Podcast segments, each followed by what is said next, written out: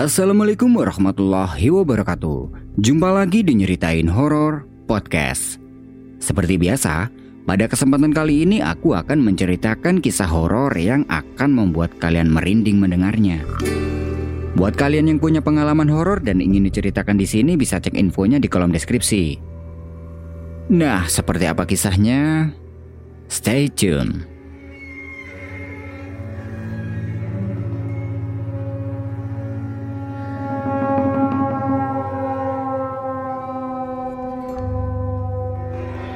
Kisah ini berawal di tahun 30-an. Sekitar tahun 1939, hiduplah seorang anak yang sebut saja namanya adalah Jalil. Dia hidup di desa terpencil yang berada di Jawa Timur. Jalil adalah anak keempat dari tujuh bersaudara. Dia berasal dari keluarga yang sangat tidak mampu.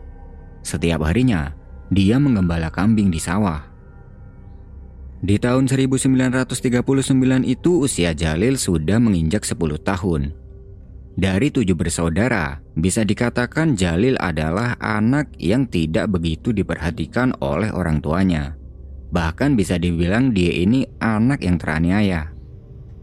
Pada zaman itu, yang namanya kelaparan sudah menjadi hal biasa, terlebih untuk keluarga yang kurang mampu seperti keluarganya Jalil. Dan di zaman itu, Orang tua kalau memberi anaknya makan itu dengan cara yang unik, yaitu dengan cara mengepal nasi dan disesuaikan dengan jumlah anaknya. Jadi kalau punya anak tujuh berarti orang tua selalu mengepal nasi sebanyak tujuh kepalan setelah itu dibagikan kepada anaknya satu persatu. Setiap kali ibunda Jalil memberi makan tujuh anaknya, Jalil selalu tidak mendapat bagian. Entah disengaja atau tidak, tapi kenyataannya seperti itu. Kalau merasa lapar, dia pergi ke sawah untuk mencari makanan sendiri yang berupa tumbuh-tumbuhan. Yang sering kali dia makan adalah daun pete. Terkadang juga kalau sedang musim buah, dia makan buah-buahan. Seperti buah pisang, mangga, asem, dan lain-lain. Tumbuhan apa pun yang bisa dimakan pasti dia akan memakannya. Perlakuan ibunya ini dialami Jalil selama beberapa tahun karena saking seringnya tidak mendapat jatah makanan, dia jarang sekali makan nasi, hingga badannya Jalil ini kurus dan kering. Ketika umur Jalil sudah menginjak 13 tahun, perlahan dia mulai bisa berpikir bahwa ibunya ini pilih kasih terhadapnya. Pada suatu hari, ibunya Jalil sedang membagi makanan kepada anak-anaknya. Dan lagi-lagi, Jalil tidak mendapat jatah makanan dari ibunya hingga dia mempunyai pikiran jengkel. Karena merasa jengkel itulah muncullah pikiran nakal di dalam otaknya Jalil. Kenapa setiap kali ibu membagikan makanan aku selalu tidak mendapat jatah? Ini tidak adil. Itulah yang ada di dalam pikirannya Jalil waktu itu. Keesokan harinya, dia memberanikan diri untuk mencuri makanan dari ibunya di dapur. Nasi yang sudah disiapkan untuk anak-anaknya itu diambil satu kepal oleh Jalil dan dimakan. Namun, keberuntungan tidak berpihak kepada Jalil. Aksi mencuri makanan itu diketahui oleh ibunya, hingga akhirnya ibunya marah besar dan dia dihukum. Jalil diikat oleh ibunya di sebuah tiang kayu yang terdapat di rumahnya dan tidak diberi makan seharian penuh. Bagi Jalil, kelaparan itu sudah biasa baginya tapi kalau diikat seperti ini, dia benar-benar merasa tersiksa. Karena merasa tersiksa, Jalil berusaha untuk melepaskan ikatannya ini, hingga akhirnya dia bisa terlepas. Setelah terlepas, dia pergi dari rumah karena takut ibunya akan marah lagi karena Jalil sudah berani melepaskan diri. Dia berniat pergi ke sungai tempat biasa dia mengembala kambing dan mencari makan sendiri. Tapi di perjalanan menuju ke sungai tersebut dia berpikir, kalau aku pergi ke sungai, pasti ibu akan tahu dan aku bisa dihukum lagi. Jalan menuju ke sungai itu dia harus melewati sebuah hutan bambu. Kalau istilah Jawa, hutan bambu itu adalah barongan. Dia mengurungkan niatnya untuk pergi ke sungai dan berniat bersembunyi di hutan bambu tersebut. Di situ, dia duduk sambil merenungi hidupnya. hingga tidak terasa dia menangis. Dalam hati dia bilang, Kenapa ibu tiga sekali sama aku? Hanya karena makanan aku sampai diikat seharian. Merasa nyaman di hutan bambu itu, tidak terasa akhirnya Jalil tertidur hingga malam hari. Nah, mulai dari sinilah kisah tentang kodam ini dimulai. Malam itu, ketika Jalil sedang tidur di hutan bambu, dia merasa seperti ada yang membangunkan. Le, tangio, wes bengi. Nak, bangun, udah malam. Ucap seorang kakek yang membangunkan Jalil. Merasa dibangunkan, akhirnya dia bangun. Setelah bangun, dia melihat kalau yang membangunkannya itu adalah seorang kakek-kakek berjenggot panjang, memakai jubah putih, dan membawa karung. Karena kasihan melihat Jalil, kakek itu mengelus-elus kepalanya Jalil sambil dia bilang, Awakmu sing sabar ya le. Urip iku terus melaku bebarengan karo wektu. Sing iso nggawa lakumu ben api. Yang sabar ya nak, hidup itu terus berjalan bersama waktu. Pandailah dalam berjalan biar nasibmu baik. Jalil hanya duduk diam mendengarkan nasihat dari kakek itu. Kemudian, kakek itu membuka karung yang dibawanya dan mengambil sebuah barang, yaitu selembar kelompotan jagung. Udah pada tahu kelompotan jagung nggak? Yang orang Jawa pastinya sudah tahu. Untuk yang belum tahu, gua kasih tahu sedikit. Kelompotan jagung adalah kertas rokok tapi dari kulit jagung. Orang zaman dulu kalau merokok itu menggunakan tembakau yang dibungkus dengan kulit jagung dan digelintir sampai membentuk sebuah rokok. Setelah terbentuk, dinyalakanlah rokok itu, kemudian dihisap. Kembali ke cerita. Jalil menerima pemberian dari kakek itu. Setelah diterima, dia bertanya, Ini buat apa kek? Nek awakmu genggam iki, menungso liyane gak bakal iso nyawang awakmu. Kalau kamu menggenggam benda ini, manusia lain tidak akan bisa melihatmu.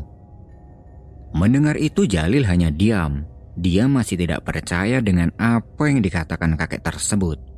Kemudian, kakek itu pamit pergi meninggalkan Jalil.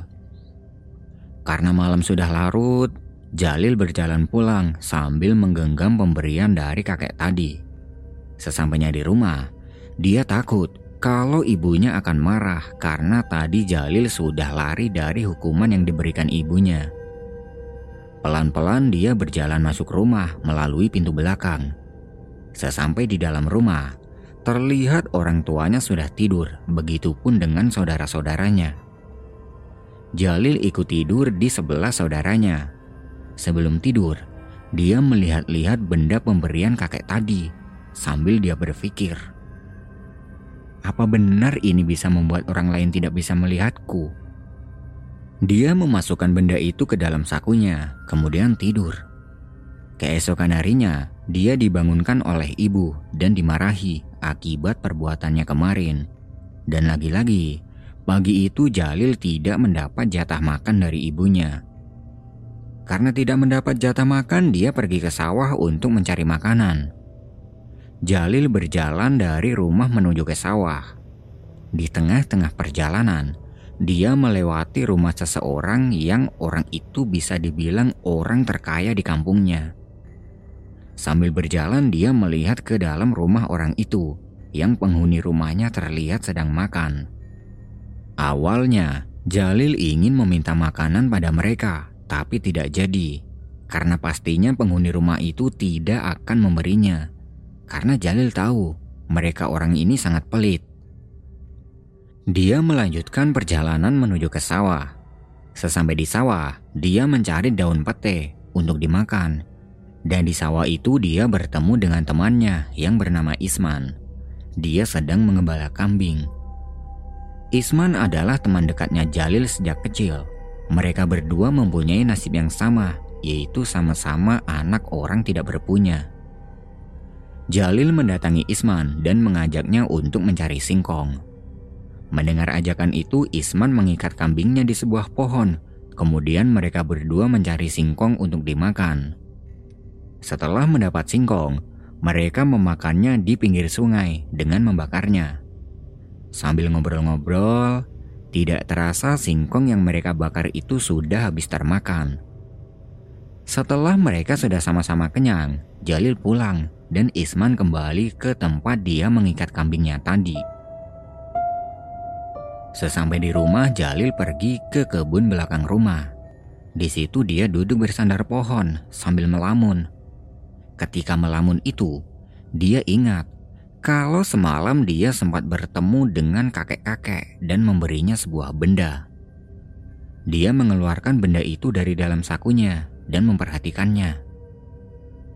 Ini loh hanya sebatas kulit jagung biasa. Mana mungkin benda ini bisa membuat orang lain tidak bisa melihatku? Batin Jalil. Karena penasaran, Jalil coba mempraktikkan apa yang sudah dikatakan kakek itu. Dia menggenggam benda itu, kemudian dia pergi ke dapur untuk mencari nasi. Sesampai di dapur, terlihat ibu tidak ada di sana. Jalil mengambil sesuap nasi dan memakannya. Tidak lama kemudian, terlihat ibu datang ke dapur. Melihat kedatangan ibunya, dia sangat panik. Tapi, sesampainya di dapur itu, ibunya terlihat biasa saja. Dia tidak menyadari keberadaan Jalil di dapur itu. Perlahan, Jalil berjalan keluar meninggalkan dapur. Dan sesampainya dia meninggalkan dapur, ibunya masih terlihat biasa saja. Jalil kembali ke belakang rumah. Sesampai di belakang dia berpikir, ternyata benar apa yang dikatakan kakek itu. Kalau aku menggenggam benda ini orang lain tidak bisa melihatku. Jalil merasa senang dengan semua ini. Hari-hari berikutnya, dia sudah tidak mengharapkan jatah makan dari ibunya karena dia bisa menggunakan benda itu untuk mengambil nasi di dapur tanpa sepengetahuan ibu. Tapi Lama-kelamaan dia merasa kasihan sama ibu kalau nasinya terus-terus diambil tanpa sepengetahuannya. Akhirnya, Jalil mempunyai pikiran untuk mengambil makanan ke rumah orang terkaya di kampung itu dengan memanfaatkan kelembutan ini. Keesokan harinya dia pergi ke rumah orang itu untuk mengambil makanan darinya. Pintarnya Jalil, dia kalau mengambil makanan di rumah itu tidak banyak-banyak jadi dia kalau mengambil makanan itu sedikit demi sedikit agar pemilik rumah itu tidak sadar kalau makanannya sudah diambil. Lagi pula, nasi dan makanan lain di rumah itu cukup banyak. Jadi kalau diambil sedikit-sedikit kan tidak akan ketahuan. Berbulan-bulan Jalil melakukan ini hingga akhirnya Jalil bisa gemuk. Bahkan dia paling gemuk di antara saudara-saudaranya. Pada suatu hari, Jalil dan Isman bertemu di pinggir sungai tempat biasa Jalil mengembala kambing. Di situ Jalil melihat Isman semakin kurus dan semakin tidak terawat. Hebatnya orang dulu, meskipun mereka jarang makan tapi mereka ini susah untuk sakit. Ya mungkin karena sudah terbiasa dengan keadaan. Di situ Isman mengajak Jalil untuk mencari singkong untuk dimakan. Lil, cari singkong yuk. Aku belum makan sejak tadi pagi. Emangnya kamu gak dikasih makan sama ibumu? Ibuku gak ada beras buat kita makan. Mendengar jawaban dari Isman barusan, Jalil merasa kasihan. Karena dia tahu sendiri rasanya tidak makan, karena tidak adanya bahan makanan. Kemudian, Jalil meminta Isman untuk menunggunya di sini. Man, kamu tunggu di sini ya. Aku ambilin makanan buat kamu, Jalil pergi ke tempat orang kaya di kampungnya itu untuk mengambil beberapa suap makanan, kemudian diberikan kepada Isman. Melihat makanan itu, Isman bertanya, "Lil, kamu dapat makanan enak ini dari mana?" "Sudah, yang penting sekarang kamu makan aja." Dengan lahap, Isman memakan makanan yang diberikan Jalil. Hal seperti ini terus-terusan dilakukan Jalil hingga Isman terlihat gemuk tanpa dia memberitahu kepada Isman dari mana dia mendapatkan makanan ini. Berbulan-bulan hal itu dilakukan Jalil hanya untuk makan. Merasa enak dengan semua ini, dia ingin sesuatu yang lebih. Jadi istilahnya dia ini ingin bisa lebih, bukan hanya sekedar tidak terlihat oleh manusia lain saja. Ya, begitulah sifat manusia. Mereka tidak akan puas dengan apa yang sudah dimilikinya saat ini. Mereka selalu ingin yang lebih dari itu, dan itu wajar. Pergilah Jalil ke hutan bambu, tempat dia mendapatkan benda itu. Dengan tujuan, dia ingin bertemu dengan kakek-kakek yang pernah dia temui. Sesampai di sana, dia tidak tahu apa yang harus dia lakukan dan di mana dia bisa menemui kakek itu. Karena tidak tahu harus berbuat apa, dia hanya duduk bersandar pohon bambu hingga akhirnya dia tertidur. Ketika sedang tidur, kejadian itu terulang lagi. Dia dibangunkan oleh sosok kakek yang sama. Le, tangi, wis bengi. Nak, bangun, udah malam. Ucap kakek itu membangunkan Jalil. Merasa ada yang membangunkan, Jalil pun bangun. Kemudian kakek itu lanjut berucap. Lapo awakmu merene maneh? Ngapain kamu ke sini lagi? Jalil memberitahukan keinginannya kepada kakek itu. Kalau dia ingin bisa pergi ke suatu tempat tanpa berjalan kaki. Menurut kita mungkin ini mustahil, tapi bagi Jalil tidak.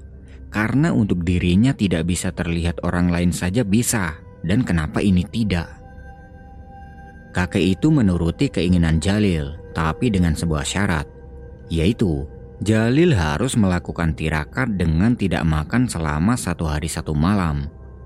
Tidak hanya itu, kalau sekedar tidak makan, itu mudah bagi Jalil karena dia sudah terbiasa.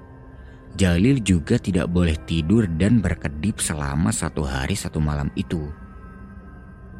Karena keinginannya ini sudah bulat, Jalil menerima syarat dari kakek itu Mulai dari dia bertemu dengan kakek itu, dia memulai tirakatnya tidak makan, tidak tidur, dan tidak berkedip hingga keesokan harinya. Keesokan harinya di waktu yang sama, Jalil datang lagi ke hutan bambu dengan tujuan untuk memberitahu kakek itu kalau dia sudah berhasil menjalankan syarat tersebut. Di situ dia dihampiri oleh sosok kakek itu Kemudian, kakek itu meminta Jalil untuk memejamkan mata sambil mengelus ubun-ubun Jalil. Tidak lama dielus-elus, kakek itu meminta Jalil untuk kembali membuka matanya. Dan betapa terkejutnya Jalil setelah membuka mata itu. Dia sedang berada di tepi lautan lepas bersama kakek itu di sebelahnya. Jadi, Jalil ini dibawa kakek itu ke Segoro Kidul atau Laut Selatan. Melihat laut seluas itu Jalil takut. Dia takut kalau kakek ini akan mencelakakannya. Lalu kakek itu bilang pada Jalil, Iki sing jenenge Segoro Kidul. Aku iso ngejawabmu mrene, mergo awakmu wis nglakoni tirakat sing tak kongkon. Ini yang namanya Laut Selatan aku bisa mengajakmu ke sini karena kamu sudah menjalankan tirakat yang aku perintahkan. Kemudian kakek itu meminta Jalil untuk duduk dan memberi Jalil sebuah amalan. Eling-elingan opo sing kate tak omongno iki, terus apalno. Ojo ditulis, ojo diomong-omongno. Ingat baik-baik apa yang akan aku katakan ini, kemudian hafalkan. Jangan ditulis dan jangan diberitahukan. Kakek itu mengucapkan kata-kata dalam bahasa Jawa yang kata-kata itu tidak bisa diceritakan di sini. Intinya, kata-kata yang diucapkan kakek itu adalah sebuah doa tapi dalam bahasa Jawa. Yang pasti, itu semua atas izin Tuhan. Setelah mengucapkan itu, si kakek meminta Jalil untuk memejamkan mata lagi dan mengelus ubun-ubunnya. Tidak lama kemudian, kakek itu meminta Jalil untuk membuka mata. Setelah membuka mata, ternyata Jalil kembali berada di hutan bambu di kampungnya lagi. Melihat semua keajaiban ini, Jalil benar-benar heran. Ternyata hal yang semustahil ini bisa dia lakukan. Kemudian kakek itu memberitahu Jalil bahwa dia bisa melakukan seperti yang tadi mereka lakukan, tapi dengan sebuah ritual. Setelah memberitahu semua itu, kakek kemudian pergi dan Jalil kembali pulang. Sesampai di rumah dia masih tidak percaya dengan apa yang sudah dialaminya tadi. Keesokan harinya, dia mencoba mempraktikkan apa yang sudah diajarkan kakek itu. Dia pergi ke kebun belakang rumah dan mempraktikannya di situ. Dia pergi ke sawah pinggir sungai, tempat biasa dia mencari makan. Dan benar saja, dalam waktu yang sesingkat ini dia bisa sampai di sana. Di sana, dia melihat ada Isman dengan kegiatannya, yaitu menggembala kambing. Jalil menghampiri Isman dan menyapanya. Tapi, di sini ada yang aneh. Isman sama sekali tidak merespon sapaan Jalil, bahkan dia tidak menyadari keberadaan Jalil. Jalil heran, kok bisa dia berdiri di depan Isman, tapi Isman tidak menyadarinya. Akhirnya, dia jalan kaki untuk pulang. Sesampai di rumah dia ingat bahwa tadi dia pergi ke sungai itu dengan sebuah ritual. Mengingat itu dia langsung menuju ke kebun belakang rumah. Dan di sana dia melihat dirinya sedang tidur. Dari sini Jalil tahu satu hal. Berarti yang pergi ke sungai barusan itu adalah jiwanya, tidak bersama raganya. Pantas saja tadi Isman tidak menyadari keberadaan Jalil. Mulai saat itu, kalau malam hari ketika sedang tidur, Jalil selalu menggunakan hal ini untuk pergi ke hutan bambu untuk menemui kakek. Tapi dia pergi ke hutan bambu itu tidak dengan raganya. Karena dia tahu, kalau terus-terusan dia pergi ke hutan bambu secara kasat mata, pastinya orang lain dan ibunya akan curiga dengan apa yang dilakukan Jalil di hutan bambu itu. Karena saking seringnya pergi ke sana, dia pun semakin akrab dengan kakek itu. Dan Jalil juga belajar banyak tentang ilmu Jawa kepada kakek itu. Hingga akhirnya, kakek itu bersedia ikut bersama Jalil sebagai kodam. Hari berganti hari hingga berganti tahun. Selama hidupnya itu Jalil sudah banyak mempelajari ilmu Jawa dari kakek itu. Bahkan, Jalil bisa meminta tolong pada kakek itu untuk menyembuhkan orang sakit akibat gangguan jiwa. Pernah juga pada suatu ketika dia dimintai tolong oleh seorang kolektor benda pusaka untuk mencarikan sebuah mustika dan akan dibelinya dengan harga mahal, yaitu mustika merah delima. Secara ilmiah, mustika merah delima adalah sebuah batu permata, batu yang dibentuk dari hasil proses geologi yang unsurnya terdiri atas satu atau beberapa komponen ilmiah yang mempunyai harga jual tinggi dan diminati oleh para kolektor. Batu merah delima dipercaya mempunyai kekuatan, yaitu bisa kebal dari senjata apa pun, baik yang zohir maupun yang gaib. Bisa juga digunakan untuk pengobatan segala jenis penyakit, dan mampu mengubah warna air dalam gelas menjadi merah darah. Khodam yang bersama Jalil itu baik. Kalau tidak baik, yang akan terjadi adalah sebaliknya. Bisa-bisa dia yang akan meminta kepada Jalil bukan Jalil yang meminta kepadanya, seperti minta tumbal atau hal lain. Sampai sekarang, usia Mbah Jalil sudah kira-kira 80 tahunan lebih. Dan sampai sekarang, beliau masih bersama kodamnya itu. Nah, itu tadi adalah sebuah kisah horor yang bisa aku sajikan ke kalian semua. Buat yang masih stay, aku ucapin terima kasih dan tunggu kisah horor selanjutnya.